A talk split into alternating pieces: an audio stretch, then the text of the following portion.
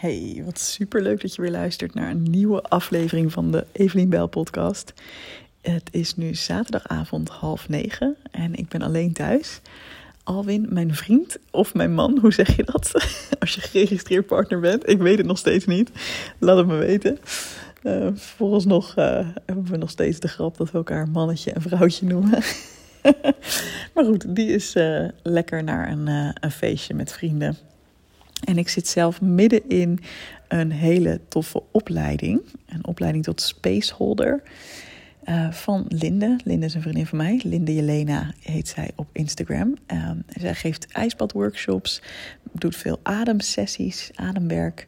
En nu heeft ze ook dus voor het eerst een opleiding, uh, opleiding tot spaceholder. En dat is, ja, kort gezegd, zijn spaceholders mensen die bij um, bijvoorbeeld workshops of andere vormen van training en, uh, en coaching en begeleiding aanwezig kunnen zijn.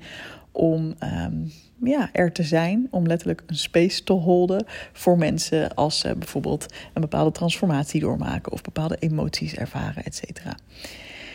En um, ik ben dus niet mee naar het feestje, want ik heb morgen dag drie, dus ik moet weer vroeg op, want het is in Tilburg en ik woon in Utrecht. Dus ik zit wel eventjes in de trein. En uh, ja, ik heb ook al twee dagen training erop zitten, dus ik ben ook best wel een beetje moe. Uh, maar het is heel vet, het is heel tof. En um, ja, en ik dacht het is misschien wel leuk om even iets in te spreken over een ervaring die ik had. Uh, want in die training um, had ik met iemand uh, samengewerkt. Je werkt af en toe in duo's. En dan begeleid je elkaar. Hè, dat bijvoorbeeld Linde een, een ademsessie doet, waar ze iedereen doorheen neemt.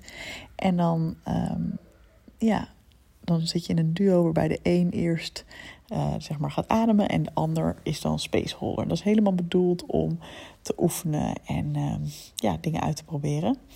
Ik zal trouwens, uh, voordat ik dit live zet, ook echt even met degene over wie dit verhaal gaat, checken of het, of het oké is. Want ik wil natuurlijk niemand exposen of zo. Daar gaat het hele verhaal ook helemaal niet om. Maar um, nou, wat er gebeurde. Ik was met iemand samen. Um, wij waren bij elkaar terechtgekomen, zeg maar, als, als duo. En in eerste instantie begeleidden ze mij. Dan ging ik dus uh, op een matje liggen, ademen. En um, ja, bespraken we het een beetje na. En bij mij er gebeurde niet heel veel. En ik zat ook een beetje in mijn hoofd. Dus ik zei er zoiets over van, oh ja, dat heb ik wel eens, weet je wel. Kan, kan wel eens vaker in mijn hoofd zitten. En toen zei zij, ja, dat, uh, dat dacht ik al wel een beetje. Ik heb ook gisteren tegen iemand anders gezegd: Oh, ik wil heel graag iets met Evelien doen. Want um, ik wil haar zo graag helpen om wat meer in haar lijf te komen. En nou, in eerste instantie heb ik daar niet echt op gereageerd. Maar ik merkte later dat ik dat eigenlijk helemaal niet zo leuk vond. Dus heb ik haar even gevraagd of we het daarover konden hebben. Er was even een korte break, dus uh, we konden wel even met z'n tweeën dit bespreken. En toen gaf ik ook aan van ja, ik vond het eigenlijk helemaal niet zo prettig dat je dat zei. Want het voelt voor mij alsof je dus hè, een oordeel had over dat ik blijkbaar veel in mijn hoofd zat of zit. En dat jij het dan met iemand erover hebt gehad van oh ja, ik zou haar, ze moet wat meer in haar lijf en daar wil ik haar bij helpen. Of zo, hè, ik wil dat ze wat meer in haar lijf zit. Dus dat, dan voel ik me veroordeeld. En ik zou ik besef ook heel goed dat dat mijn eigen onzekerheid is hoor. Dat je dan een oordeel over me hebt. Want misschien heb je dat niet. Zei ze, nee, nee, dat is helemaal niet een oordeel. Helemaal niet negatief. Ik wilde jou heel graag helpen alleen hiermee. En toen zei ik, ja, maar ik wil helemaal niet geholpen worden hiermee. Dit is helemaal niet, is helemaal niet een thema waar ik wat mee wil op dit moment. Ik ben heel tevreden met mezelf. En bovendien weet ik heel goed hoe ik in mijn lichaam moet komen. Maar ja, ik vind het ook heel oké hoe ik ben, weet je wel. Dus...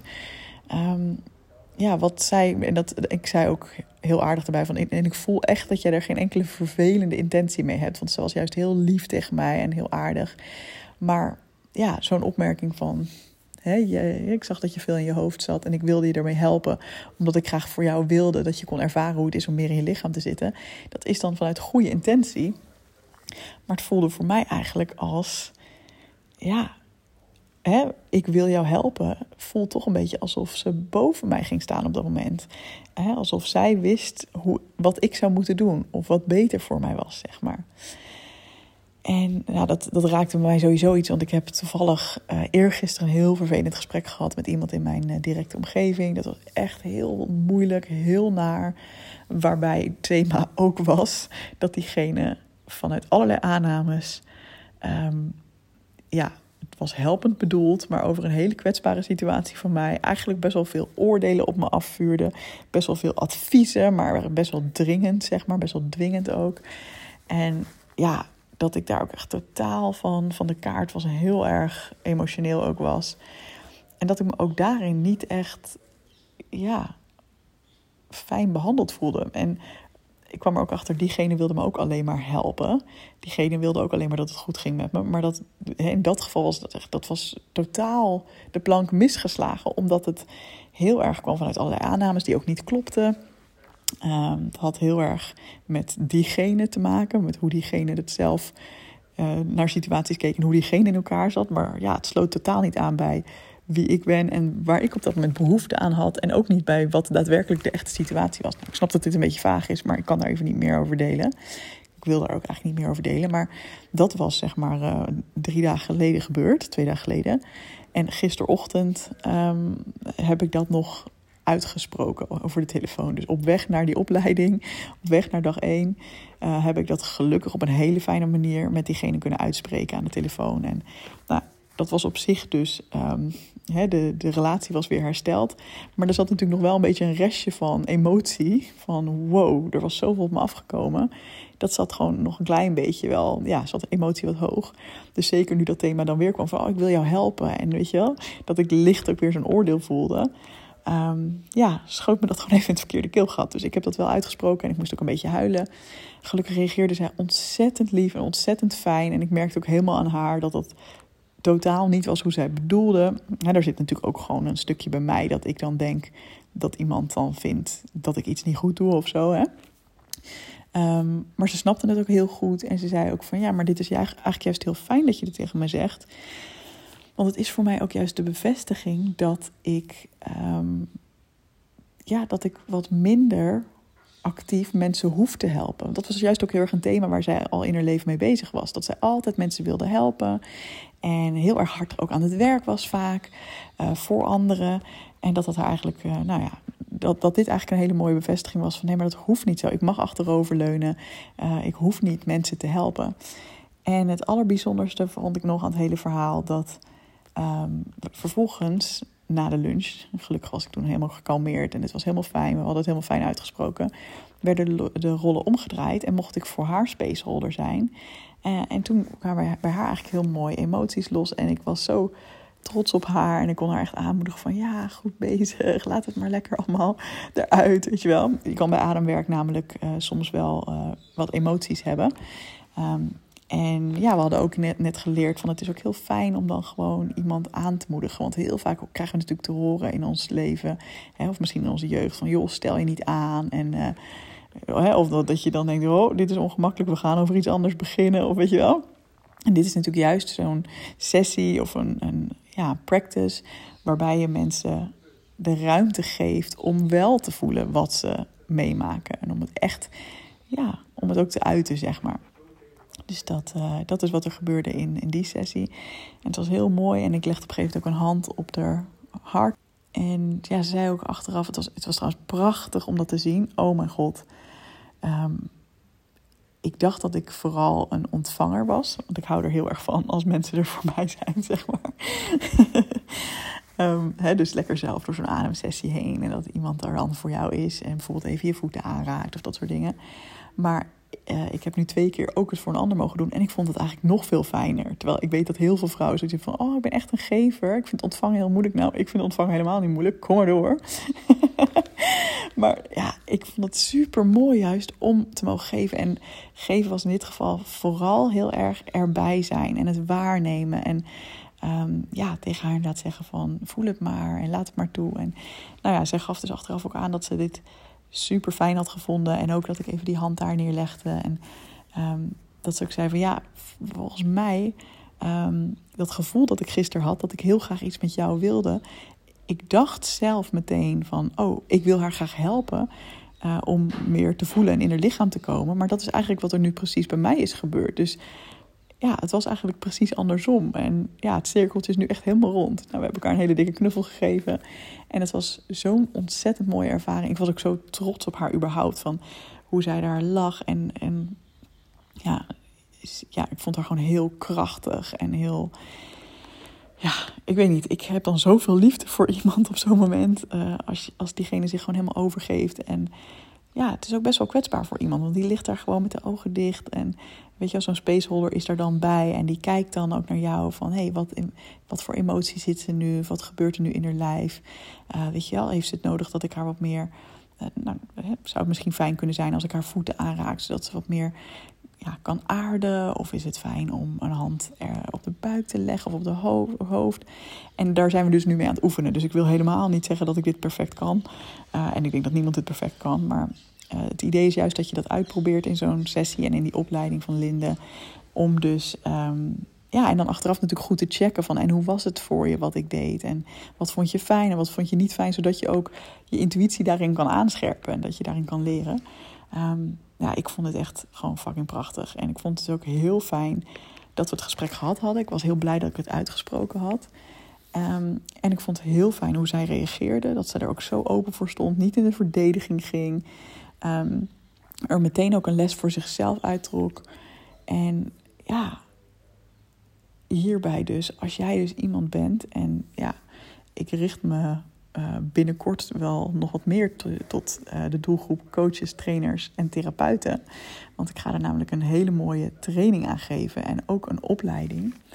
Um, ja, en die doelgroep die, die kent natuurlijk deze valkuil vaak. Hè. We, zijn vaak dit beroep ingerold, of hebben hier vaak voor gekozen, omdat we graag mensen willen helpen. Dus ik herken dit ook echt wel van vroeger. Dus misschien neem ik daar nog wel een keer een podcast over op. Uh, hoe dat bij mij ook veranderd is. Maar Misschien herken je het ook in jezelf en mag dit ook voor jou weer een reminder zijn van je hoeft niet zo hard te werken. Je hoeft niet mensen te helpen. Kijk, natuurlijk, natuurlijk helpen we mensen, maar stem maar even af of dat echt is dat je iemand wil helpen of is er eigenlijk iets anders aan de hand, weet je wel? En is het ook echt wat diegene nodig heeft? Um, of mag je met je energie gewoon lekker bij jezelf blijven en voelen van... hé, hey, wat heb ik eigenlijk hier uh, nodig? Wat is hier fijn? Um, ja, en, en besef je dus ook dat het zelfs voor een ander beledigend kan voelen. Zeker als ze niet om hulp gevraagd hebben. Kijk, het is natuurlijk anders als iemand jou echt in jouw rol als coach of therapeut heeft ingeschakeld. Of als trainer om jou wat te leren. Als begeleider om jou in een proces te begeleiden. Natuurlijk bied je dan hulp. Natuurlijk ben je er dan. Maar zelfs in die rol um, ja, is het dus heel mooi om te kijken hoeveel moet ik echt doen? Hoeveel moet ik echt hard werken? Hoeveel moet ik echt geven? Um, en vandaag in die, in die oefening hebben we juist ook echt heel erg geleerd om. Natuurlijk kon je af en toe een interventie doen om iemand bijvoorbeeld even aan te raken. Maar juist ook heel erg er gewoon zijn, erbij zijn. Um, en heel erg erop te vertrouwen dat die ander precies weet wat er nodig is. Dat het lichaam van die ander ook weet wat er nodig is. Hè, qua emoties die naar boven komen en die verwerkt mogen worden. Um, ja, dat vond ik ook super krachtig. Dus dat was ook voor mezelf weer een hele mooie reminder van er hoeft ook, je hoeft helemaal niet zoveel te doen. Gewoon er echt zijn, die ander echt waarnemen, met je aandacht bij die ander zijn. Um, in dit geval dus wel iemand aanmoedigen om zelf gewoon te doorvoelen wat er te voelen mag. Is dat een woord? Is dat een zin? te doorvoelen wat er gevoeld mag worden. Ja, dat is hem. Um, ja, aanmoedigen om de bewegingen te maken die ze willen maken. Want ook dat is iets waar we vaak heel erg beperkt in zijn. Hè? Dat we het zo spannend vinden om gek over te komen. Maar laat dat lichaam maar lekker bewegen. Um, ja, ik vond het gewoon heel krachtig. Ik hoefde echt weinig te doen. En ook dat werd teruggegeven. Dat vond zij ook heel fijn. Van, um, ja, het voelde helemaal niet alsof je te weinig deed. Maar ik kon juist lekker in mijn eigen proces gaan. Omdat jij gewoon, jij was ernaast en jij was er af en toe, raakte me aan. Maar uh, ja, dat was ook niet te veel en dat was juist fijn. Nou, mocht jij inderdaad een coach, een therapeut of een trainer zijn en uh, wel eens met het thema perfectionisme werken, of er gewoon interesse in hebben en daar meer over willen leren, ik geef op donderdag 7 september om 10 uur een gratis training. En die heet De Vijf Fouten die coaches, therapeuten en trainers maken bij mensen met perfectionisme. En uh, het is gratis. Je kunt je aanmelden via evelienbel.nl slash training. ik neem je gewoon mee door de dingen die ik zelf uh, heb gedaan. Ik neem je mee door de dingen die ik zelf heb gezien toen ik zelf heel erg last had van perfectionisme. En ook gewoon in mijn ervaringen van uh, ja, al die jaren dat ik mensen heb gecoacht. En dat ik ook uh, mijn programma had in perfectionisme coaching. Waar ik ook andere coaches in, uh, ja, voor mij in had werken, zeg maar. Um, want we, daarin kwamen we ook gewoon dingen tegen dat we zagen dat mensen bijvoorbeeld ergens anders al therapie hadden gehad of andere begeleiding hadden gehad. En ja, dat er gewoon bepaalde stukken wel echt gemist waren. Of dat bepaalde ja, manieren waarop die eerdere coaches of therapeuten aan de slag waren geweest, dat die soms zelfs perfectionisme konden versterken. Dus dat er sommige dingen juist weer een soort van ontleerd moesten worden. En ja, het klinkt misschien heftig, de vijf fouten ja, ik zit er helemaal niet in vanuit een oordeel van, oh, weet je wel, iedereen doet het fout. maar wel heel erg met het idee van, hé, hey, we kunnen allemaal leren. En ik geloof dat iedereen die dit werk doet, dat vanuit goede intenties doet. En juist ook mensen wil helpen, hè? daar zijn we weer.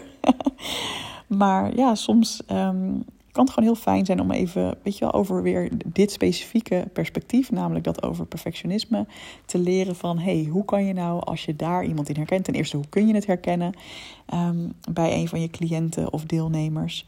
En uh, ja, hoe kun je voorkomen dat jouw programma of jouw aanpak of jouw begeleiding uh, dit triggert? En hoe kun je ze juist heel erg op een fijne, zachtere manier hierin begeleiden om dit langzaam maar zeker los te gaan laten? Of als jouw training of coaching niet per se daarover gaat, hoe kun je het in ieder geval niet verder stimuleren met jouw aanpak? Dus als je het leuk vindt, meld je even aan. Ik zou het heel leuk vinden als je erbij bent. Uh, nogmaals, de link is dus evelienbel.nl slash training. En uh, ik ga het daarin ook hebben over mijn allernieuwste opleiding, namelijk over perfectionisme coaching. En dat wordt echt fucking episch. maar eerst dus een gratis training, 7 september. En ik zou het super leuk vinden als je erbij bent. Als je ook mensen kent waarvan je denkt, oh, die moeten dit ook leren, die moeten er ook bij zijn. Heel leuk als je ze uitnodigt. En laat even weten of je erbij bent. Ik zou het leuk vinden om van je te horen op Instagram. Uh, je vindt me daar als Evelien underscore. En ook heel erg bedankt voor het luisteren en graag tot de volgende podcast.